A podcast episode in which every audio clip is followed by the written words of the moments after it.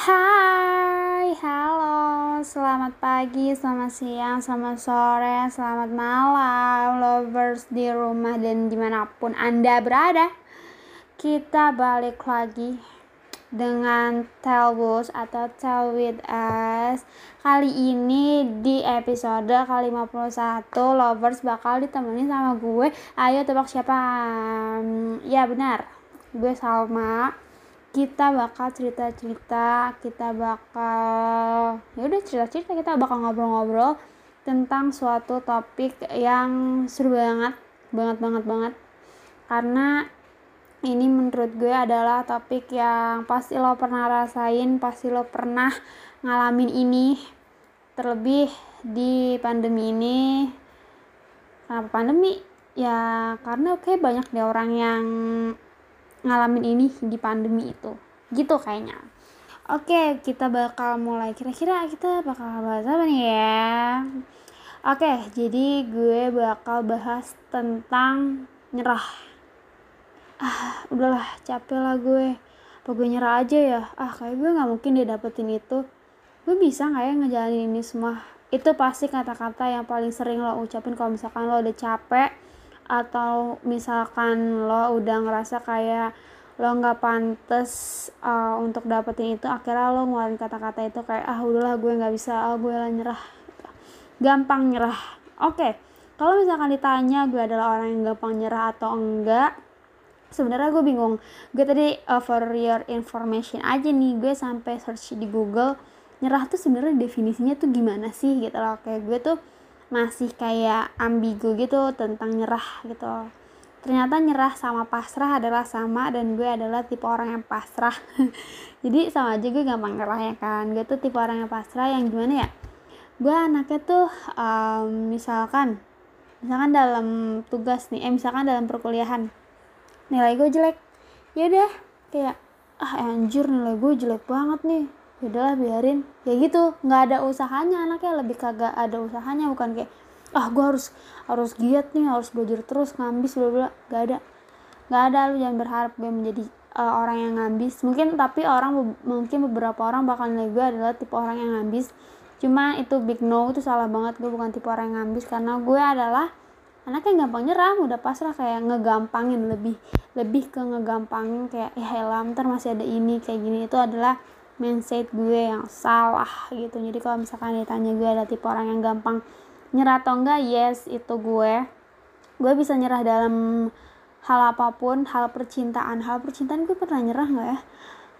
Uh, kayak kalau cinta lebih ke um, apa ya nyerah nggak nyerah sih. Cuman kayak ya udahlah jalanin aja kalau misalkan di misalkan nih gue lagi suka sama orang atau uh, eh eh bener uh, misalkan gue lagi suka sama orang terus orang itu nggak suka sama gue ya udah nggak apa-apa gue nggak bakal sakit hati atau misalkan gue bakal caci maki dia atau gue bakal galau banget banget enggak karena menurut gue kayak ya udah bukan berarti gue suka sama orang orang itu harus ngasih feedback ke gue. Karena karena gue mempunyai cerita.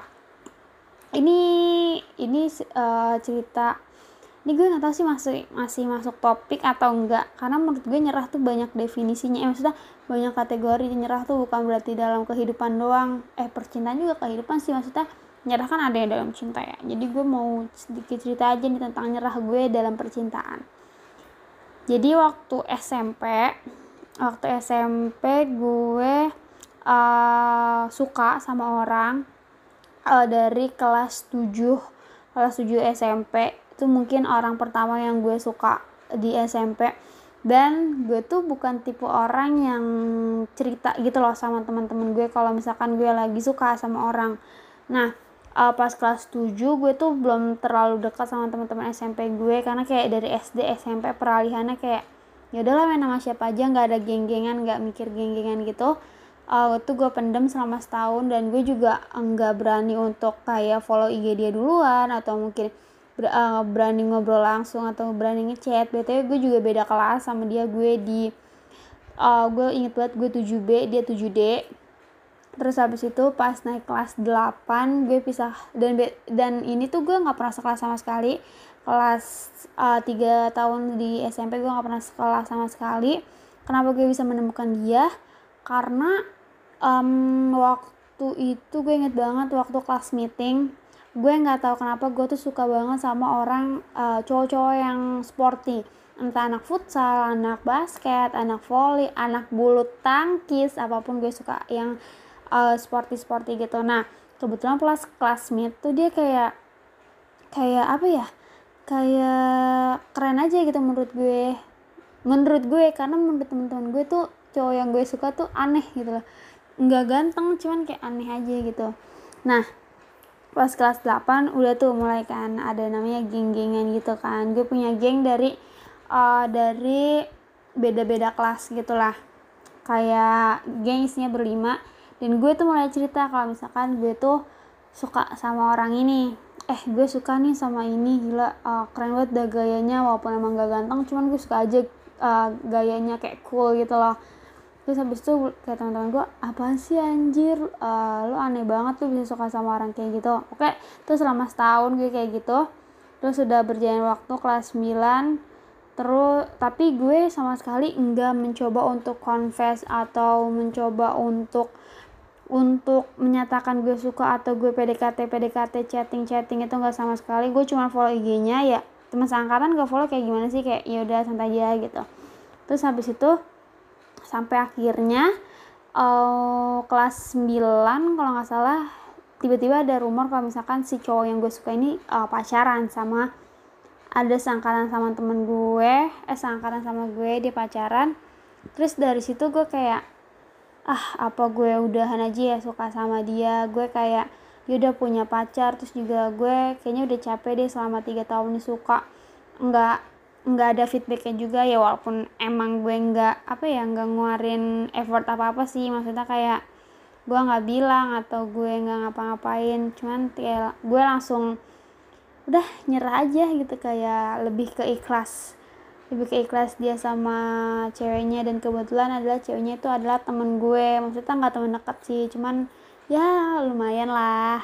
Maksudnya jadi si cewek ini kalau lagi berantem atau cerita-cerita ubunya tuh ke gue gitu. Lo bisa merasakan apa yang gue rasakan gak sih? Kayak lo suka sama orang orangnya pacaran sama temen lo dan temen lo cerita ke gue gitu. Kayak damn gitu loh. Tapi kayak ya adalah itu kayak cerita-cerita SMP aja yang menurut gue seru aja gitu.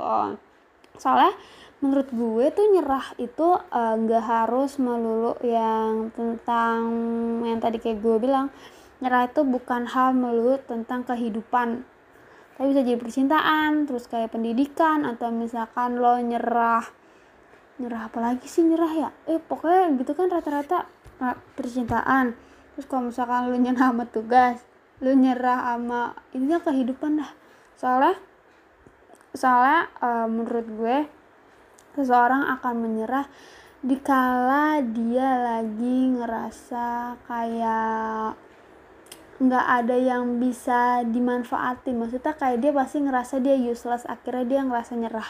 Sebenarnya lo nggak bakal uh, lo nggak bakal ngerasa useless kalau misalkan lo ada di lingkungan yang mendukung lo gitu. Makanya mungkin menurut orang bilang e, ya lo kalau temenan jangan pilih-milih. Uh, menurut gue salah karena menurut gue lo temen tuh harus dipilih gitu ngerti? Temen dekat ya atau temen temen apa pun relasi tuh harus dipilih-pilih. Karena kalau misalkan lo salah milih temen lo bakal salah jalan ngerti gak karena gue gitu gue adalah tipe anak yang cepat ke bawah arus.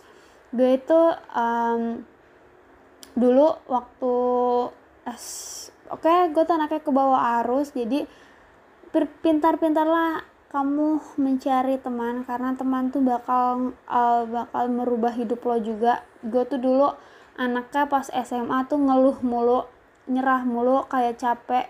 Gue tuh sampai um, setahun setahun masuk SMA gue nangis nangis terus kayak gue nggak ikhlas masuk SMA situ. Nggak tahu kenapa padahal masih negeri cuman kayak emang anaknya nggak pernah bersyukur gitu. Akhirnya gue dipertemukan sama lingkungan gue yang suportif juga akhirnya gue kayak ayo gue harus kuat di sini gue nggak boleh nyerah karena masih banyak juga loh orang-orang yang mau di posisi gue yang mau masuk negeri gitu. Gue gue tuh um, gue tuh kalau misalkan gue ada di titik yang nyerah atau gue di, ada di titik di rendah gue selalu punya mindset di mana um, gue nggak boleh nyerah gue nggak boleh ngeluh gue nggak boleh nggak bersyukur karena gue tahu masih banyak di luar sana yang pengen jadi gue masih banyak orang yang lebih yang kurang dari gue makanya gue harus selalu bersyukur dan harus berjuang dengan apa pun yang ada di hidup gue. Gitu ngerti gak sih? Kayak kita ya nggak apa lo nyerah lo ngeluh apa pun itu boleh. Cuman uh, tahu porsinya dan nggak uh, boleh ngebikin hidup lo selalu kayak seakan-akan lo sia-sia. Begitu. Dan menurut gue juga uh, nyerah itu banyak hal positif yang bakal bisa lo ambil. Kayak kayak positifnya tuh lo ngerasa kayak eh gue keren banget nih gue bisa ngelewatin uh, fase-fase nyerah gue, fase-fase down gue sampai akhirnya gue ada di titik sini. Berarti gue anaknya uh, bertanggung jawab dan gue anaknya pekerja keras banget nih. Gue bisa ngelewatin itu semua ngebikin lu menjadi pribadi yang kuat pribadi yang uh, mentalnya kuat pribadi yang apa ya kuat deh pokoknya kalau orang-orang yang berada di fase down itu dan bisa ngelewatin itu apa pun lo kuat banget lo keren banget gitu. Karena nggak semua orang bisa ngelewatin di fase-fase kayak gitu. Aduh wak capek aja ngomong. Nah aduh terus um, menurut gue menurut lo untuk gak gampang nyerah tuh gimana sih? Untuk gampang gak nyerah adalah lo harus nanemin mindset uh, mindset di mana uh, seperti yang gue bilang mindset uh, masih banyak orang di luar sana yang gak seberuntung loh. Masih banyak orang di luar sana yang kurang dari lo dan masih banyak orang yang pengen ada di posisi lo dan lo jangan nyerah karena suatu saat lo bakal menemukan titik bahagia lo karena Tuhan gak bakal ngasih lo kesedihan di tiap harinya di setiap tahunnya karena Tuhan tahu porsinya masing-masing karena Tuhan tahu uh, pasti Tuhan ngasih balance gitu lah antara sedih sama senangnya pasti bakal setara. Tinggal tunggu waktunya yang tepat aja. Jadi untuk orang-orang yang lagi nyerah atau lagi ngerasa down banget atau lagi ngerasa dirinya apa ya eh, nggak uh, berguna atau useless trust me Tuhan tahu yang terbaik buat lo. Tuhan tahu um, apa ya jalan yang terbaik itu namanya takdir. Lo jalanin aja karena karena dengan lo menjalani hari-hari lo di saat lo pengen nyerah ini ngebikin lo menjadi pribadi yang kuat, pribadi yang sabar dan pribadi yang apa ya pribadi yang kuat deh. Pokoknya kayak lo tuh keren banget gitu. Nah terus untuk jadi apa untuk jadi orang yang gak gampang nyerah menurut gue itu membutuhkan proses yang panjang banget. Karena uh, sejujurnya gue nggak tahu sih gimana caranya untuk kita nggak gampang nyerah. Karena gue masih pribadi yang apa-apa ngeluh apa-apa cepet nyerah gitu pokoknya. Tapi set, uh, mungkin menurut gue masih uh, butuh proses yang panjang untuk menjadi orang yang gak gampang nyerah menjadi orang yang kuat. Cuman jalanin aja. Maksudnya kayak hidup tuh kayak jalanin aja. Lu kalau misalkan nanya nih ya uh, moto hidup lo apa sal? Jalanin aja gitu. Karena gue anaknya kayak let it flow banget gitu. Nggak pernah gue nggak anaknya bukan pemikir panjang gitu lah anaknya tuh pemikir pendek banget kayak ya udah besok mau ngapain? Gue udah tahu nih gini gini lu tanya besoknya lagi gue ngapain? Gue nggak tahu. Gue pokoknya memikirkan sesuatu yang deket-deket aja. Nggak usah mikir yang jauh-jauh kayak overthinking gitu. Gue bukan gue nggak suka overthinking gue sering overthinking. Cuman nggak overthinking gue tuh uh, bukan overthinking yang kayak ih aduh gue takut nggak sukses gue takut begini begini enggak itu malah nggak bikin gue menjadi beban dan ngerasa gue kayak aduh berat banget hidup gue gitu. Kayak gue jalanin aja gitu anaknya. Dan seperti yang gue bilang lagi kalau misalkan uh, lingkungan itu adalah pengaruh besar untuk uh, lo menjadi pribadi yang kuat pribadi yang gak gampang nyerah seperti yang gue bilang tadi uh, teman-teman tuh atau keluarga atau pacar nggak punya pacar itu berdampak banget sih untuk lo uh, untuk lo menjadi sesuai pribadi lo ya maksudnya gimana sih jelasinnya? Lo bakal uh, menjadi pribadi sesuai dengan lingkungan lo gitu ngerti nggak? Misalkan kalau lingkungan lo adalah orang yang gampang nyerah atau orang yang gampang ngeluh juga ya lo pasti bakal ke bawah juga karena mindset lo masih sama. Cuman kalau misalkan lo berada di lingkungan yang orang-orangnya tuh positif vibes banget yang kayak misalkan ada yang bilang aduh gue capek banget nih gue nyerah banget terus temannya bilang apa sih lo tuh pasti bisa lewatin ini? Ah, kalau nggak kayak lo tuh kuat banget keren makanya lo bakal bisa lewatin ini gitu. Menurut gue omongan-omongan orang itu mungkin bakal berpengaruh dengan uh, apa ya maksudnya omongan orang tuh bakal ngaruh keputusan kita untuk nyerah atau enggak. Ya kayak gue bilang pokoknya lingkungan tuh bakal berpengaruh banget karena apalagi uh, kalau misalkan kita lagi ada masalah terus orangnya itu malah kayak oh iya iya iya udah lu udah gitu aja deh gitu. Maksudnya kayak nggak ada nggak ada api nggak ada feedback bukan feedback maksudnya nggak ada sub nggak ada api sih bahasanya nggak tahu ya. Pokoknya nggak ada feedback baik buat lo itu pasti lo bakal ikut-ikutan juga. Jadi buat orang yang gampang nyerah atau gampang pasrah atau gimana pun lo itu um, harus menjadi pribadi yang kuat karena gue tahu uh, pasti di posisi orang yang gampang nyerah itu gak ada orang yang pengen gampang nyerah gak ada orang yang pengen pasrah berserah diri tuh gak ada. Semua orang pasti uh, apa ya mencoba untuk menjadi yang terbaik. Cuman kan prosesnya panjang pelan-pelan jalanin aja. Gak semuanya harus dijalani dengan cepat gitu. Pokoknya eh, nggak uh, apa-apa nyerah nggak apa-apa untuk gampang menyerah. Cuman uh, tetap harus semangat juga. Gimana nih boleh nyerah tapi semangat juga. Ya pokoknya yaudah gitu pokoknya kita nggak apa-apa nyerah eh nggak nggak apa-apa gampang nyerah cuman tahu porsinya masing-masing gitu nggak ada nggak ada salahnya juga kalau untuk nyerah gitu jadi Kali ini gue bakal membacakan cerita. Asik ada ceritanya nih. Oke, okay, halo. Jadi gue salah satu orang yang mengalami atau merasakan yang namanya cinta dalam diam gitu. Oke, okay, rasanya tuh sebenarnya enak ya enak ya. Iya bener-bener banget.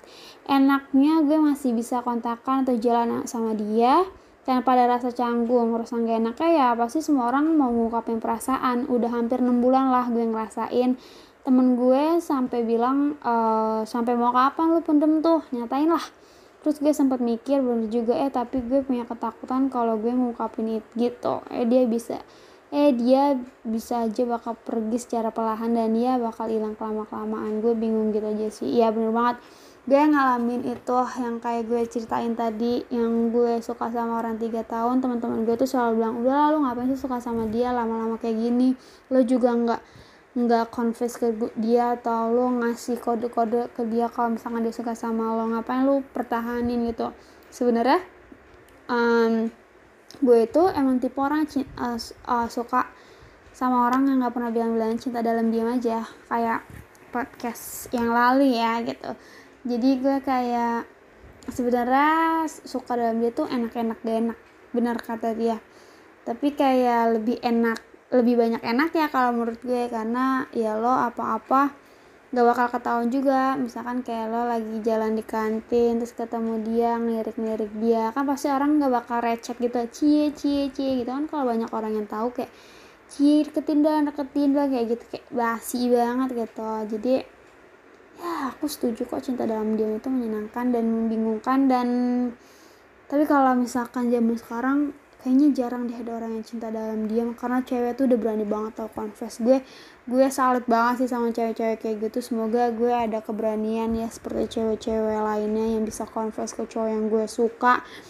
Semoga aja udah deh. Aduh gue capek banget nih ngomong. Kayak kayak lo awas aja nggak dengerin gitu. Oke, okay, gue sudah menemani lovers di mana pun lovers berada. Kita udah cerita-cerita udah kita udah ngobrolin tentang nyerah gampang nyerah pasrah. Uh, menurut gue nyerah ya is okay gitu. Pokoknya udah deh segitu dulu cerita-ceritanya di podcast kali ini. Uh, untuk lovers di rumah jangan lupa untuk selalu dengerin podcast podcast Opta. Itu banyak banget ada Telus ada Senandi Kata ada Opta Podcast. Terus ada ini hororin aja. Dan jangan lupa untuk dengerin siarannya Optai juga. Dari Senin sampai Sabtu. Dan Sabtu besok ya nggak sih? Sabtu besok ada ADH2 di mana yang mengisi adalah gue juga dan Ale temen gue. Itu adalah siaran terakhir gue sama Ale gitu jangan lupa dengar pokoknya dengerin semua siaran-siarannya itu pasti seru-seru seru-seru banget dan harus follow juga semuanya dari TikTok, Twitter, YouTube, Instagram, ya semuanya. Pokoknya lovers, sehat-sehat terus sampai berjumpa di podcast selanjutnya. Bye.